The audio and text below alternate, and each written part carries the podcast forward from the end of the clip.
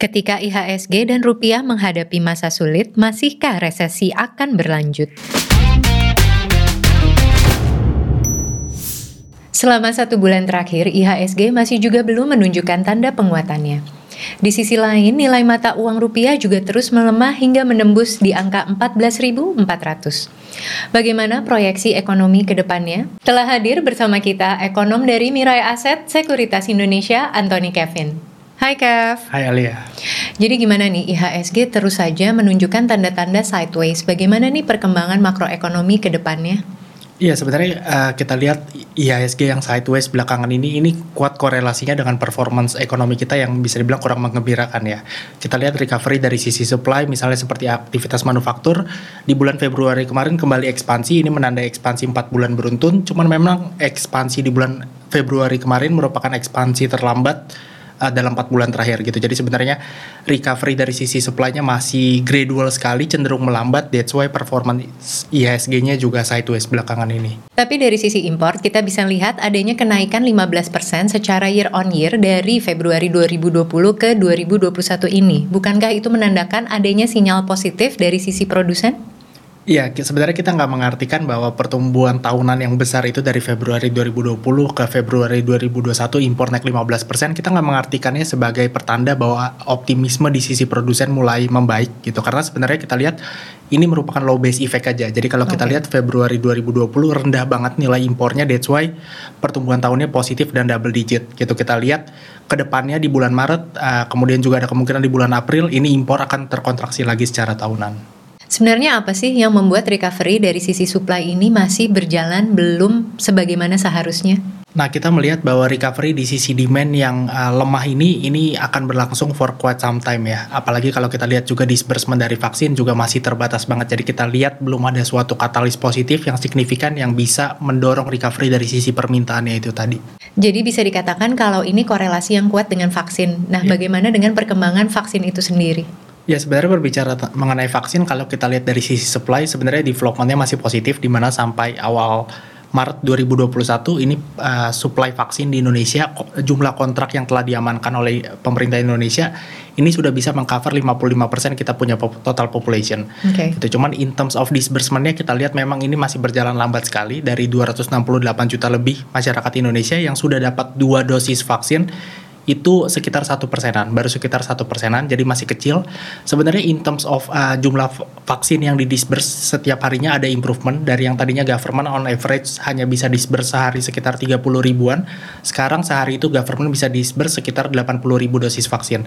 Cuman memang uh, ini masih terlalu lambat menurut kita karena assuming kalau sehari cuma 80 ribuan dosis vaksin untuk vaksinasi seluruh masyarakat Indonesia ini masih perlu waktu sekitar delapan setengah tahun. Jadi memang uh, harus dipercepat lagi oleh pemerintah distribusi dari vaksinnya itu sendiri. Jadi bisa dikatakan kalau kondisi makro di Indonesia ini masih kurang baik. Nah, bagaimana dengan kenaikan yield obligasi Amerika Serikat? Banyak yang menghubungkan IHSG ini tertekan karena adanya kenaikan yield obligasi Amerika Serikat tersebut. Sebenarnya korelasinya apa sih, Vin? Ya kaitannya sebenarnya erat sekali antara pergerakan pasar obligasi Amerika dengan pasar saham di Indonesia. Uh, perlu diingat bahwa pergerakan harga obligasi itu kan berbanding terbalik dengan yieldnya. Ketika harga obligasi sedang turun, ada tekanan jual di pasar obligasi suatu negara, itu yieldnya akan naik. Dan ini yang kita dapati di Amerika Serikat. Obligasinya lagi banyak dijual oleh investor. Problemnya adalah untuk Indonesia, kita tahu investor itu kan selalu mencari peluang investasi yang terbaik. Ketika yang terjadi seperti sekarang, yield di Amerika Serikat sedang naik, otomatis kan jadi lebih menarik. Daya tariknya naik uh, pasar obligasi Amerika Serikat, otomatis aset-aset di Indonesia itu dilepas. Uh, rupiah dilepas, saham dilepas untuk nanti dialihkan ke Amerika Serikat. Itulah kenapa ketika yield di US naik menjadi lebih menarik, IISG dan rupiah pasti berada dalam tekanan. Tadi dikatakan bahwa para investor melepas obligasi ini, tapi setelah dilepas justru yieldnya naik. Ya. Nah, ini apa nih penyebabnya? Ya menurut kita ada beberapa alasan utama. Menurut kita ada tiga alasan utama kenapa investor di Amerika Serikat banyak melepas obligasinya. Pertama, uh, hukum supply demand aja sebenarnya. Kita lihat supply obligasi di US sekarang udah kebanyakan.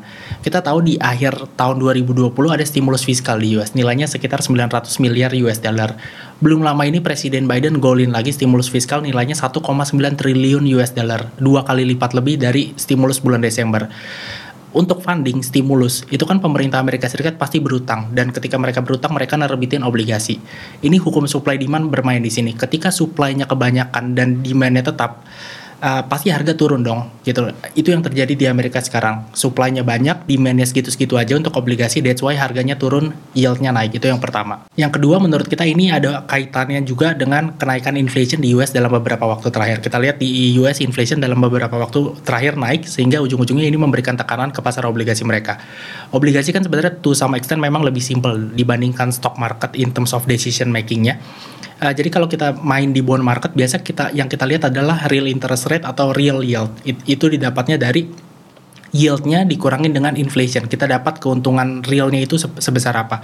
Otomatis ketika inflation naik seperti yang terjadi be uh, beberapa waktu terakhir, itu kan keuntungan real yang didapatkan oleh investor ketika beli obligasi semakin kecil. That's why ada selling pressures ke bond market US recently karena inflation itu tadi.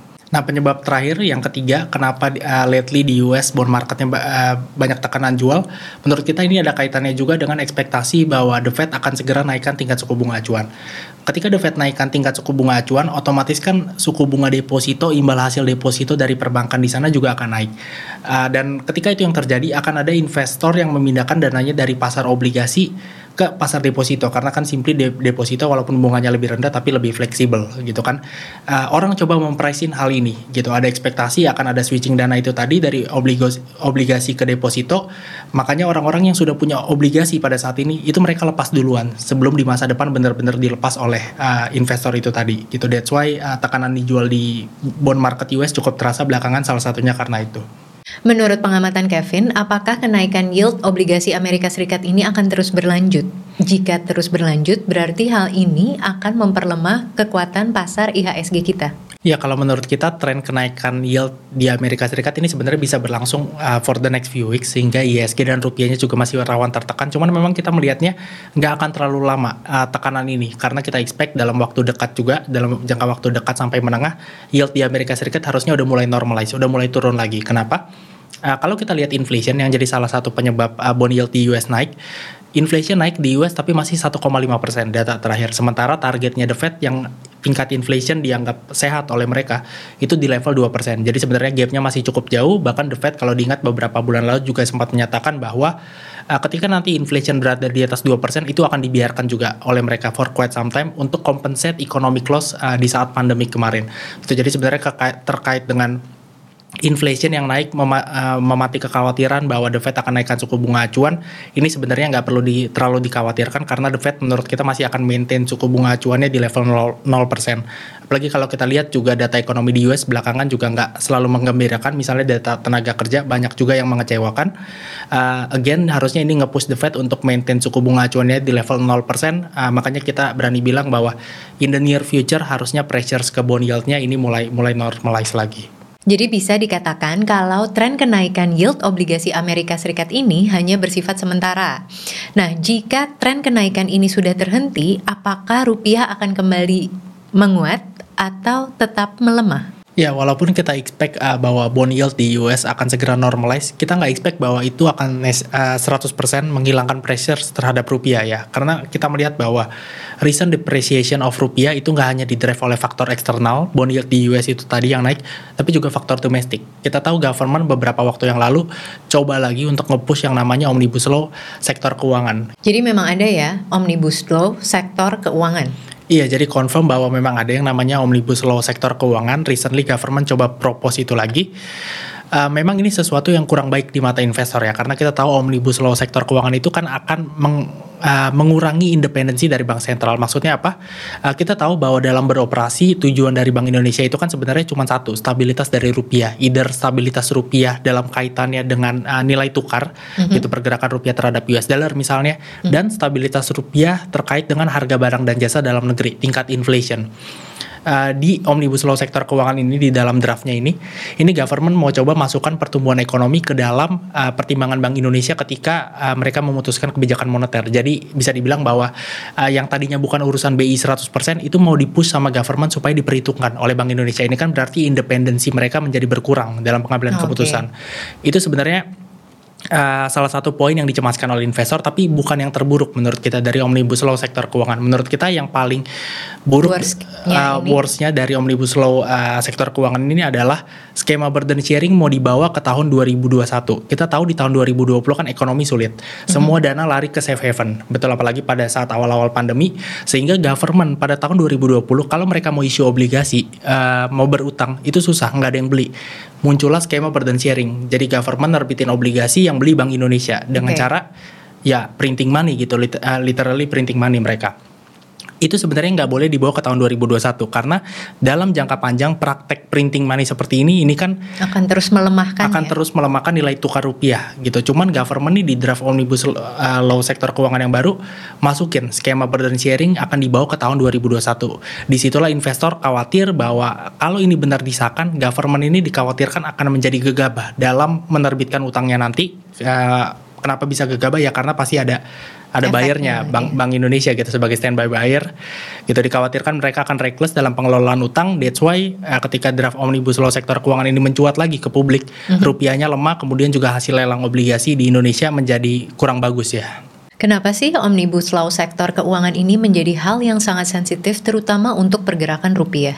Iya, jadi kalau kita lihat yang paling mengkhawatirkan dari omnibus law uh, sektor keuangan itu tadi seperti yang saya mention adalah burden sharing dibawa ke tahun 2021 gitu. Itu udah pasti karena uh, ada kekhawatiran bahwa mungkin government berpikir oh kita punya sumber funding gak terbatas dari Bank Indonesia langsung bisa printing money sehingga isu bond aja besar-besaran ini kan sebenarnya nggak bagus gitu karena kalau supply uh, bond Indonesia bond rupiah uh, terlalu besar otomatis kan nilai tukar rupiah akan melemahkan.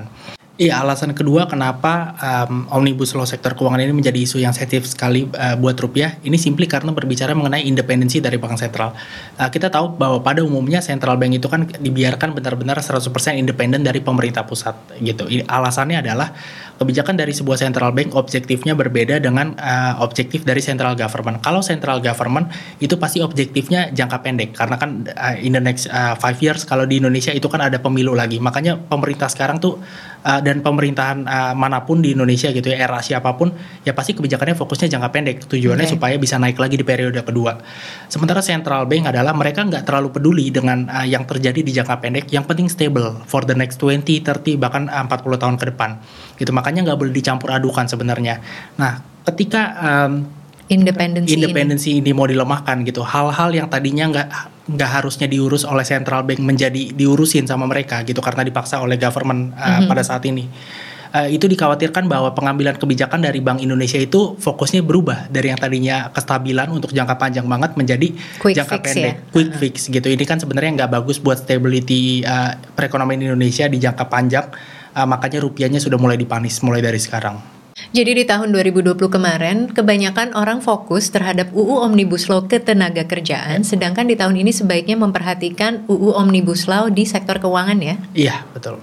Dan bagaimana nih proyeksi Mirai Aset terhadap perkembangan rupiah ke depannya? Iya, uh, projection terakhir dari kita, kita expect bahwa on average di tahun 2021 rupiah akan ada di level 14.350 per US dollar mm -hmm. dan posisi akhir tahunnya di level 14.200 uh, memang dari awal tahun kita merupakan salah satu house yang paling konservatif terkait dengan proyeksi rupiah ini, uh, salah satu yang paling uh, bearish lah ya terkait projection rupiah ini karena kita coba take into account kalau nanti government coba nge-push omnibus law sektor keuangan dan benar sekarang kan memang dipush sama central government. Okay. Cuman memang yang nggak kita expect adalah bahkan sebelum omnibus law sektor keuangan ini dipush lagi oleh government itu rupiah sebenarnya udah di 14.200 14.300 gitu. Jadi ya. udah lemah juga sebenarnya. That's why seiring dengan dipushnya lagi omnibus law sektor keuangan kita expect bahwa in the near future mungkin kita akan lemahkan lagi projection uh, rupiah kita ya. Dan menurut Kevin nih, bagaimana proyeksi IHSG dalam perkembangan jangka pendeknya? Iya, uh, di jangka pendek seiring dengan expectation kita bahwa bond yield di US masih mungkin naik gitu. Kita expect dalam jangka pendek mungkin IHSG-nya masih akan tertekan karena rupiahnya juga masih akan diterpa selling pressures ya. Jadi mungkin untuk yang belum punya posisi di stock market kita uh, mungkin bisa hold dulu uh, baru nanti masuk ketika yield di US mulai melandai. Dan sektor apa nih yang sebaiknya difokuskan oleh para investor? Ya kita lihat secara sektoral kita uh, suka di banks kemudian juga properti karena kita tahu recently government heavy sekali stimulusnya ke arah properti gitu ya. Otomatis bank sebagai penyalur KPR-nya juga bisa benefit. Uh, government kan ada meluncurkan stimulus DP kemudian PPN juga 0% untuk pembelian properti residensial. Uh, jadi harusnya itu bisa benefit untuk uh, sektor banks kemudian juga uh, properti juga. Ya. Sebenarnya kalau dari yang ground check yang kita lakukan memang purchasing power recovery-nya dari masyarakat kelas menengah bawah itu masih lemah. Cuman kalau kita lihat yang menengah atas sebenarnya recovery dari purchasing power-nya itu cukup, cukup baik gitu. Hmm. Jadi diharapkan di mana atas properti bisa terdongkrak lah walaupun mungkin nggak terlalu signifikan uh, karena stimulus pemerintah ini. Uh, kemudian juga kita uh, suka sektor poultry karena hmm. kita lihat uh, purchasing power di 2020 uh, 2021 ini in general membaik sehingga terkait dengan uh, sales volume mereka bisa membaik juga.